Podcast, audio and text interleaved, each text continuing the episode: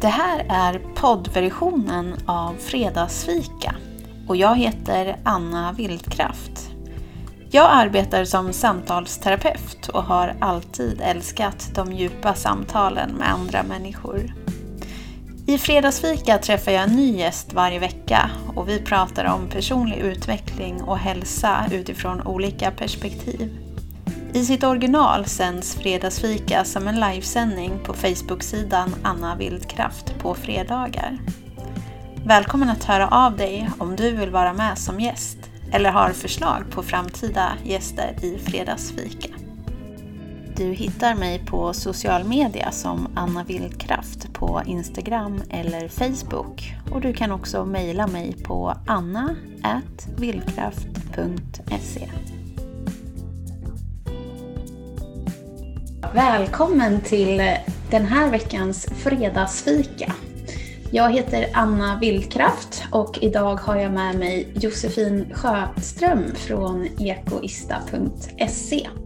Vi har idag tänkt prata om intuition och eh, hur man kan använda tarotkort för att bli bättre på att lyssna och följa sin intuition. Hej Josefin, vad roligt att ha dig med idag. Hej och tack så mycket. Det är jättekul att vara med idag. Mm. Mm. Vill du börja med att berätta lite kort om vem, vem du är?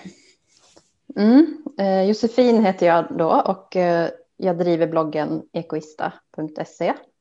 Och den har jag drivit i kanske fem, sex år eller någonting sånt. Det var ett hobbyprojekt som jag startade medan jag var mammaledig. Och jag har ganska länge varit intresserad av kost och hälsa och personlig utveckling och kunna må så bra som möjligt helt enkelt. Så jag startade den här bloggen och hade en massa olika ämnen som jag ville skriva om. Men det blev ganska snart att jag gled in väldigt mycket på mat, för det är någonting som jag varit extra intresserad av genom åren. Eh, och det blev väldigt mycket då att jag la ut recept bara under ett par års tid. Men det är ju någonting som tar väldigt mycket tid att dels skapa de här recepten och laga maten och fota och lägga upp på bloggen och sånt där. Så jag la väldigt mycket tid och energi på det här och det blev lite för mycket i kombination med heltidsarbete också. Eh, och sen har jag också en son på, som nu är sex år som jag eh, lägger eh, tid på att ta hand om såklart. Så att det blev för mycket att rodda på en och samma gång. Så jag hade en paus där på två år ungefär. Men för ett år sedan så startade jag igång lite grann igen med bloggen. Och då började jag skriva lite mer om mindfulness och meditation och återhämtning efter utmattning och så. För jag går också en utbildning till att bli diplomerad återhämtningsterapeut. Och det innebär då att när jag blir diplomerad så kommer jag kunna jobba med eh, folk som lider av utmattning och hjälpa dem att bli friska. Så eh, med den här början av utbildningen i bagaget så tyckte jag att det var kul att börja skriva om det lite mer på bloggen och framför allt på Instagram också. Så det är det jag gör just nu. Jag har mitt Instagramkonto som jag lägger lite energi på och eh, pluggar till återhämtningsterapeut. Men sen så jobbar jag också 75 procent inom it-branschen. Mm. Mm. Eh, och ja, förutom de här intresseområdena kring hälsa Eh, så är jag också intresserad av att vara i naturen och friluftsliv och sådana där saker. Eh, och det är någonting jag hittat tillbaka till på senare år som har blivit en viktig del för mig i återhämtning efter utmattning och sådär. Mm. Ehm, mm. Så det är lite kort om mig. Mm. Men det är mm. intressant hur naturen kommer tillbaka eh, med åren, höll jag på att säga. Mm. Jag har nu flyttat in till stan och bor i närheten av där jag flyttade liksom, till min första lägenhet när jag flyttade eh, hemifrån. Och det slog mig när jag promenerade i de områdena att men gud vad mycket fin natur det finns här. Det mm. tänkte jag ju liksom inte på när jag var 18 Nej. typ. Nej. Nej men precis. Och jag är ju uppväxt eh, utanför Umeå. Så att, eh, jag har ju bott väldigt nära naturen fram tills jag var 19 år. Då. Och mm. Jag har också varit scout under 10 eller 12 års tid. Där, så att jag, det här med naturen har ju alltid legat väldigt nära. Mm. Men sen när jag flyttade till Stockholm så jag var 21 år när jag flyttade och då var det lite kul och häftigt med det här med att vara i en storstad och sånt där. Så jag tappade den här kontakten med naturen. Mm. Och sen kände jag också under eh, flera år att jag inte trivdes i Stockholm. Att jag bara ville härifrån, jag ville bo på landet och sådär. Men sen för två år sedan så bestämde sig jag och en kompis för att åka och fjällvandra för första gången tillsammans. Och i samband med det då började jag gå på så övningsvandringar i naturreservaten som finns nära Stockholm. Och då hittade jag liksom det här med wow, det finns ju jättebra natur nära Stockholm och jag mm. kan bo här men ändå ha väldigt nära och gå ut till sjöar och gå ut i skogen och sådana saker. Så då blev det som en nytändning och att jag känner att när jag hela tiden har den här kontakten och närheten till naturen så är det ändå okej okay att, att bo i en storstad. Även fast jag mm. ser mig själv som en sån som kommer från landet och gärna vill bo i naturen. Mm. Eh, men det får liksom, mm, precis, det får du liksom det bästa av två världar. Mm, verkligen. Mm. Mm. Ja, hur eh, kom tarot in i, i ditt liv då? Har det alltid funnits med eller är det något du har hittat senare? Nej, det var ungefär för tre år sedan som jag hittade det. Och det började med att jag ville öva lite mer på min intuition och lära mig att liksom känna in mer och sådär. Och då läste jag någonstans att man kan använda tarot bara för att liksom, eh, göra intuitionsövningar. Så jag köpte min, eh, min första tarotkortlek för att prova att göra intuitionsövningar. Men sen hade jag också hört på många håll att tarot är jättesvårt. Det är, det är väldigt komplicerat och svårt att lära sig. Man ska inte så försöka på egen hand utan man måste verkligen kunna det. Mm. Så jag använder det bara till att göra intuitionsövningar. Och eh, då kan man liksom göra så att man tar ett kort utan att titta på det och så känner man in liksom om man får något, någon färg eller eh, något ord eller sånt och skriver ner allting på ett papper, allting som man får in. Och sen vänder man på kortet och ser om det var någonting som stämmer. Mm. Och det är ett sätt att lära känna sin intuition. Att jag kanske märker då efter ett tag att nej men, jag får alltid in så här, eh, rätt färg. Eller jag, jag kan få in det här och det här. Och, och så kan man börja koppla det och förstå hur, hur det länkar till det som syns på kortet. Men det, det gick inte så jättebra för mig. ibland hade jag så några rätt, men det kändes lite mer som en gissningslek. Typ. Mm. um, men sen så släppte jag lite, lite det här med allt jag hade hört om tarot, att man ska vara försiktig och bara liksom, att man ska veta vad man håller på med. Och jag började lägga på mig själv istället. Mm. Så det är de senaste tre åren som jag har använt mig av det och jag har gjort det ganska mycket. Alltså mm. Både på mig själv och vänner och så där. Så att jag har verkligen haft det som ett verktyg till att utveckla min intuition. Eh, och med tarot är det så att det är ju väldigt många kort, det är ju 78 kort och varje kort kan ha flera olika betydelser. Så även om man lär sig allting utan till och vet exakt vad varje kort handlar om så är det alltid bättre att använda sig av intuitionen när man läser. Och drar man ett kort som man vet har tre betydelser då kan man ibland känna att ja, men nu känns det som att det handlar om det här. Men en annan gång så känner man kanske att det handlar om någonting annat. Eller så ser man en symbol eller en, någonting på kortet, kanske en liten blomma eller fågel eller någonting som man inte brukar lägga märke till. Och då är det intuitionen som vill, vill liksom peka på det här och säga att ja, men just den här gången är den lilla fågeln viktig eller blomman eller eh, ja, den, någonting med det här som syns på kortet. Så jag lärde mig över tid att följa det här mer. I början var det väldigt mycket att jag läste Eh, beskrivningen och bara liksom läste allting som står. Men då är det väldigt svårt att få vägledning av det också eftersom det har olika betydelser. Så efter ett tag så började jag, när jag hade lärt mig lite om de här, ja men vad, vad korten innebär, så började jag försöka känna efter vad jag trodde att det betydde. Och sen kunde jag läsa i efterhand och komplettera och sådär. Så jag har efter ett tag insåg jag att jag behöver lära mig det från båda hållen. Både från vad jag känner och eh, också det här om hur tarot är uppbyggt och hur det fungerar. Så ja, det, jag har också märkt att det har hänt väldigt mycket under de här tre åren. Och nu kan jag ju läsa det på ett helt annat sätt än vad jag kunde. Så jag har märkt en enorm utveckling med det här. Men sen har jag jobbat med min intuition och övat på att lyssna på den mer på sidan om liksom. Men tarot har blivit ett väldigt centralt verktyg för det här. Um, ska det var någonting jag tänkte på men nu tappade jag tråden lite grann.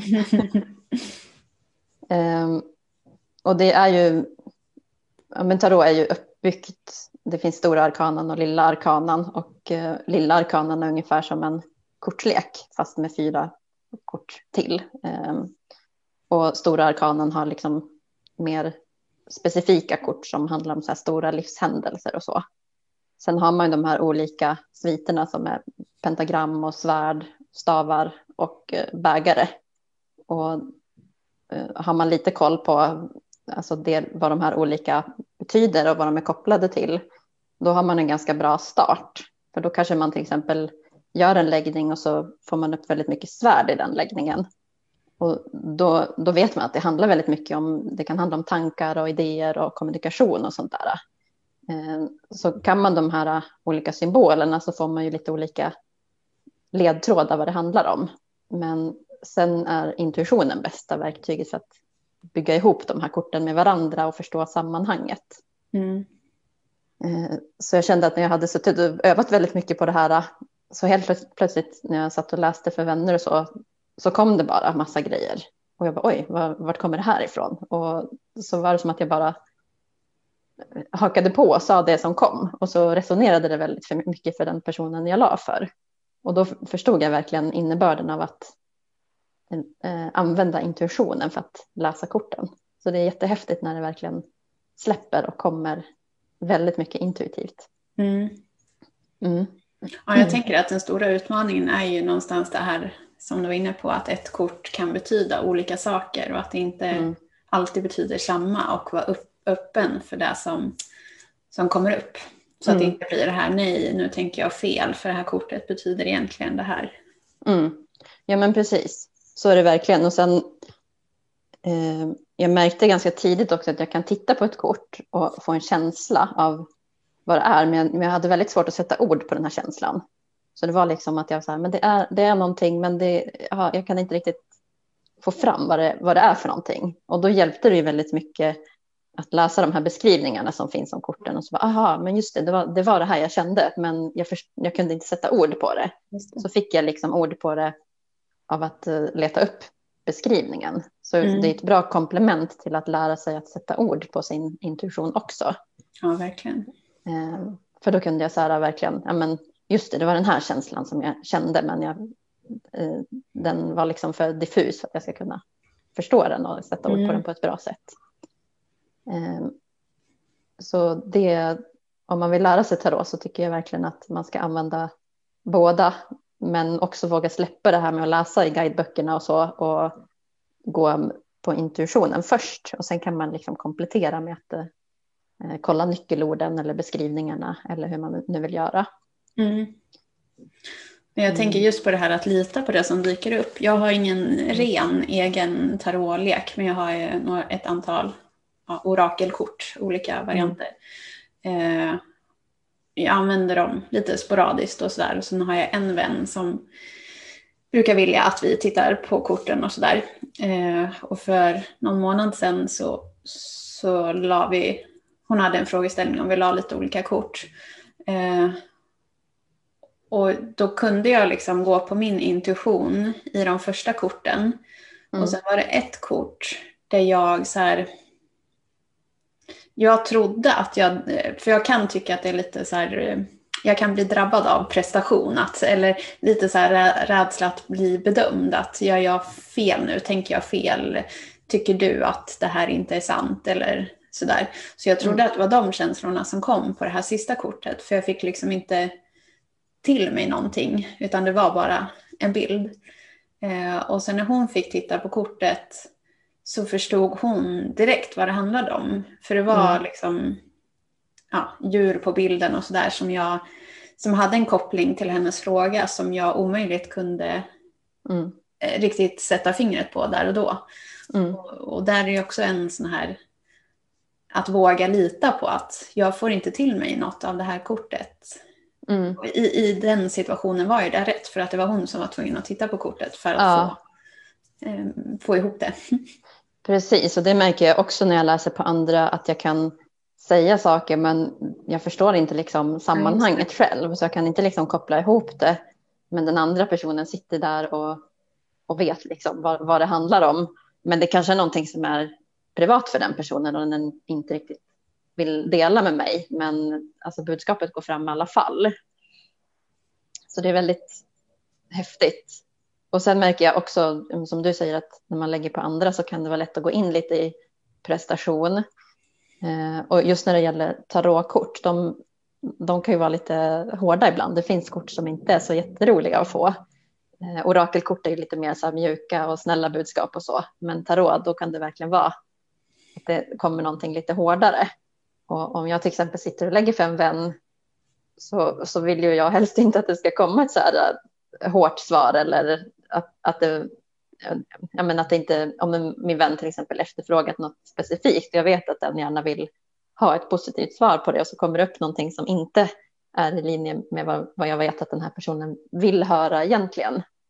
Då blir det lite svårt också hur jag ska förhålla mig och säga det här på ett bra sätt. Men där kan jag också använda intuitionen till att försöka förmedla det här på ett sätt som, som gör att den här personen kan ta sig till det. Mm. Och inte säga så här, men nu kommer något jättehemskt att hända. För det kan ju inte jag veta heller. men, eh, ja, men försöka liksom förmedla det här på ett sätt som gör att det resonerar för den personen. Och sen när jag lägger för mig själv, det märker jag speciellt i början, så vill jag gärna ha bekräftelse på att det var på det sätt som jag ville eller tänkte. Men så är det ju inte alltid. Så då ställde jag ofta frågor och så blev jag besviken över svaret och kanske försökte lägga igen för att se om jag fick något annat svar. Eh, och det är nog ganska vanligt när man börjar. Så då lärde jag mig ganska snabbt att eh, inte ställa frågor som jag inte kan ta svaret på. Just det. Eh, så att säga. eh, och då har jag lärt mig att använda det mycket mer som vägledning. Även fast det är kul det här med att det är ju ett verktyg som man kan använda för att spå lite i framtiden för skojs skull. Så där. Men man, kan ju, man måste ju ta det med en nypa salt också. Och ibland så är det bättre att bara få liksom budskap och tips och vägledning för hur man ska hantera situationer och ja, men, ta sig framåt snarare än att få ett svar på vad, vad kommer hända sen. Och sen har jag också märkt just med intuitionen att eh, eh, det här är liksom min egen teori, men att eh, intuition, önsketänkande och rädsla känns ungefär likadant. Just. För mig är det väldigt mycket så att, och speciellt när jag la kort på mig själv, jag kanske hade något önsketänkande om en situation och då är det väldigt lätt att att läsa det åt det hållet och så stämmer det ju inte. Och kanske att det finns någon rädsla som gör att jag inte tror att det är på ett visst sätt, men egentligen säger intuitionen så. Så att, att öva på sin intuition, det är ju att försöka hitta skillnaden mellan de här tre och förstå vad som är rädsla och vad som är önsketänkande och vad som är intuition. För när man har kommit dit, det är då man kan verkligen börja använda intuitionen och lita på den också. Eh, när man förstår de här olika nyanserna, liksom, eh, vad som är vad. Annars blir det ju väldigt svårt att, att lita på sin intuition och våga följa den också. Mm. Men det är ett väldigt spännande ämne för jag, jag tänker på det här att eh, många på, har ju på olika sätt under uppväxten kanske inte eh, blivit speglade i sina behov och känslor. Eh, vilket gör ju då att det är svårt att läsa av sig själv på mm. vad som är vad. Vad, vad är glädje, vad är nervositet, vad är um, ja, sorg eller sådär. För att man kanske inte har fått känna de känslorna eller blivit bekräftad mm. i det. Mm. Jag har funderat på en del på det senaste tiden just att intuitionen inre kompass. Men mm. den har blivit eh, eh, misshandlad eller vad man ska säga, alltså demolerad. Så när man jobbar med sig själv så, så kalibrerar man sin intu intuition. Och mm. inte förrän man har hittat hem igen som man på riktigt kan lita på den. Men... Precis. Eller kanske egentligen, jag skulle kanske inte vilja säga att man haft eh, sönder intuitionen, för den finns ju där. Man har bara liksom mm. byggt på massa skydd runt den för att omgivningen har lärt mig att intuitionen är fel på olika sätt. Mm. Men när vi skalar av lagren så, så upptäcker vi att den finns där och att vi mm. behöver lyssna, eller kan lyssna på den. Mm. Och det här det har jag ju lärt mig mycket om i min utbildning också. Att eh, människor som befinner sig i mycket stress och antingen är på väg in i utmattning eller är utmattade, att man stänger ju av kroppen och det man känner i kroppen. Det är liksom mm. en del av sjukdomen att man stängt av så pass länge att man inte förstått kroppens signaler. För kroppen signalerar ju hela tiden att det är för mycket och du måste varva ner, du måste återhämta dig. Men när man är i den här stressen så stänger man av det och bara fortsätter som vanligt. Och det hänger ju också mycket ihop med det här att stänga av känslor och stänga av intuitionen. Mm. För när man är i det här stressigt och mycket oro och tankar och så, då, då ryker liksom intuitionen och eh, kontakten med hjärtat. Mm.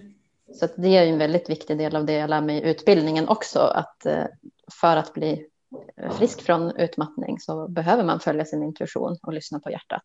Mm. Eh, så därifrån har jag också fått väldigt mycket det här tänket också. Så det känns verkligen rätt väg att gå. Mm. Jo, för det är, ju, det är väl många gånger man har hört och även känt själv att eh, man har gått med på någonting eller gått in i någonting där det har känts lite fel ändå gjort det och sen efteråt kan man sätta fingret på, just det, det var därför jag kände så innan jag gick in i det här. Mm. Mm. Eh, men som du säger, det är svårt att se skillnad lite på det här intuition, önsketänkande och rädsla nämnde du va? Mm, precis. Ja. Och ibland kan det också vara det jag har svårast att, att, känna skillnad på, som jag tror att fler känner igen sig i, är ju det här att um, är det en rädsla eller, eller säger intuitionen att det är fel? Mm. För ibland behöver, för att göra nya saker kan jag också känna mig rädd och då behöver jag gå emot den rädslan. Mm. Precis. Eh, och sen är det rätt ändå att göra det. Mm. Och det är det som är, därför är det viktigt att komma i kontakt med intuitionen och, och både kroppens signaler men också det som kommer inifrån. För då, då lär man ju sig sen hur intuitionen känns. Och intuitionen brukar ju vara väldigt så mjuk och, och vägledande medan en rädsla är mer så här, eh, jättestark och hård. Ja. Så att, eh, har man, får man den här kontakten så är det ju lättare att se skillnaden mellan de här. För då, då blir det liksom större skillnad och det är inte det här att allt känns likadant.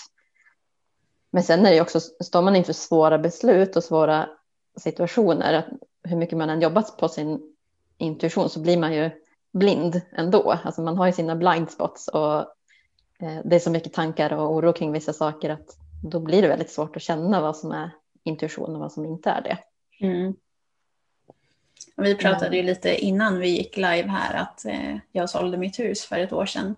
Och det mm. var ju ett, ett svårt beslut. Att ska jag sälja eller inte? Mm. Eh, men det bästa tipset jag fick då var just att fokusera på beslutet och inte konsekvenserna. Mm. Och det, då är det ju lite lättare, tänker jag, att hitta intuitionen. Ja, men vad vill jag? Om jag bara tänker på, ska jag ha hus eller inte? Mm. För när allting är en enda stor röra så är det så här, ja men om jag ska sälja då kanske jag måste rensa allting, jag måste flyttstäda och då blir det för stort att ta tag i. Mm. Och då är det då kanske intuitionen säger sälj, men energimässigt orkar jag inte sälja för att jag väver mm. in mm. andra. Precis, och, och då, då, alltså i en sån situation då kan det också bli att man inte orkar för att man går och tänker på det så långt i förväg också. Alltså att tankarna snurrar väldigt mycket. Det här kommer bli så jobbigt, det här, det här är för mycket och så. Och då kan det ju snarare vara så att tankarna tröttar ut väldigt ja. mycket och tar väldigt mycket energi som man kanske egentligen vill lägga på att orka göra de här sakerna. Mm. Um, så det är också en, en del i det hela att just uh, tankar tar väldigt mycket energi. Mm. Eh, och att, att lära sig att ja, men, landa och lite det här kring mindfulness, att acceptera saker som det är och, och inte vara för långt fram i tiden hela tiden. Det gör ju att man kan frigöra energi till andra saker. Och frigör man den energin och lyckas lugna de här tankarna, det är då intuitionen kan visa sig också. Mm. Så att gå och övertänka saker, det, det är ganska vanligt att man gör det och ältar och grubblar väldigt mycket och sånt, men det ger ju oftast inte så bra resultat. Det bästa resultatet kommer av att försöka komma ner i lugn och kanske eh, stilla sig och sådär och sen lyssna på vad som kommer upp. Um. Ja, verkligen. För jag känner ju också när jag får kontakt med intuitionen och agerar utifrån den, det är ju då allting annat synkar ihop också. Mm. För när jag bara är i tankarna och försöker göra det jag borde eller alltså, försöka lista ut vad jag vill istället mm. för att känna eller lyssna. Mm. Då går det som du säger väldigt mycket energi och det flyter inte lika bra. Nej, precis. Ofta är det så att intellektet och tankarna har ju en annan agenda än vad det som kommer inifrån har. Och det bästa är ju att försöka lyssna på det som kommer inifrån och följa det. Mm. För då blir det oftast, det blir som det ska. Exakt. brukar jag säga. Även om det inte blir som man trodde så blir det som Nej, men precis. mm. Mm. Det är ett superhärligt ämne att prata om eh, mm. och det är stort märker jag. Vi, vi, det innehåller mycket. Mm. Men om vi ska hålla oss någorlunda kort så kanske vi ska försöka göra ett avslut här. Mm. Mm. Men har du några eh, tips just till det här om man tycker att det är svårt att hitta in till intuitionen? Vart ska jag börja då? Mm. Ja, alltså jag tror att det kan vara bra att göra sådana där övningar som jag nämnde i början. Nu sa jag att det funkade inte så bra för mig, men det var ju en, det var en start på någonting annat och olika saker passar ju olika personer. Men sen tror jag att det är väldigt viktigt att lita på sin intuition och försöka hitta tillfällen av framgång. Så här kom min intuition upp och jag lyssnade på den och här var resultatet. För då ser man att den funkar ju verkligen. Mm. Men, men också att eh, kanske våga utvärdera. Att eh, om, om det är någonting som, men ett beslut man sätter sig inför och så tar man ett beslut så kanske man inser sen att men här agerade jag ju inte på min intuition, jag agerade på min rädsla till exempel. Att ändå så försöka gå tillbaka, men, men hur kändes intuitionen och hur kändes rädslan och vad var det som gjorde att jag agerade på det här? Och på så sätt genom att försöka liksom tänka tillbaka hela tiden på när intuitionen har dykt upp så lär man ju känna den också. Mm.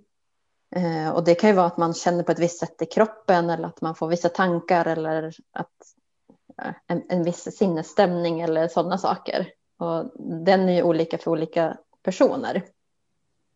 Så ett bra tips kan också vara att läsa på om de här olika intuitionskanalerna, hur, hur det kan fungera. Det kan antingen vara att man bara vet någonting eller känner att det är rätt eller får liksom bilder i huvudet eller sådär. Eh, och det är olika för olika eh, personer vilken, vilket sätt intuitionen talar. Och att lära sig förstå hur talar intuitionen till mig, då vet man ju också vad man ska lyssna efter eller känna efter och sådär. Mm. Eh, vilket är ett bra hjälpmedel för att lära sig förstå den. Mm.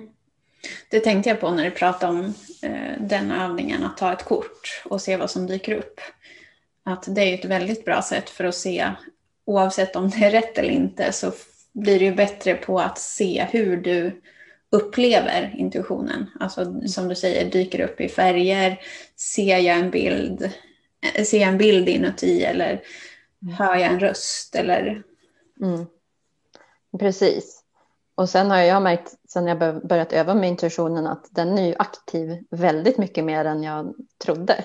Att jag kan eh, kanske träffa en ny person och få liksom en känsla av den personen på något sätt och sen visar det sig ofta att det stämmer. Mm. Eh, och då har jag förut tolkat det som att det är något sådär, någon form av fantasi eller dömande. Men eh, det, det är inte det utan det är intuitionen som, som säger vissa saker om att ja, det, det här verkar vara en bra person eller ja, lite så här, ja, men grundläggande saker mm. som sen visar sig ganska snabbt om de stämmer eller inte. Just det. Mm. Mm. Ska vi sätta punkt där då? Och så mm. ser vi fram emot att eh, svara på era kommentarer och frågor om intuition och kanske om det är någon som vill nörda ännu mer i, i tarot eller så. Mm. Ja. Då eh. tackar jag dig så jättemycket för att du ville vara med idag. Mm. Men tack så mycket själv, det var jättekul att vara med. Och tack Hejdå. ni som har tittat. Hej då! Tack, hej då! Tack för att du har lyssnat på den här veckans fredagsfika. Om du vill veta mer om mig och fortsätta inspireras av det jag gör så får du gärna följa mig i social media. Jag finns som Anna Vildkraft på både Facebook och Instagram. Och på Youtube har jag en kanal med bland annat guidade meditationer.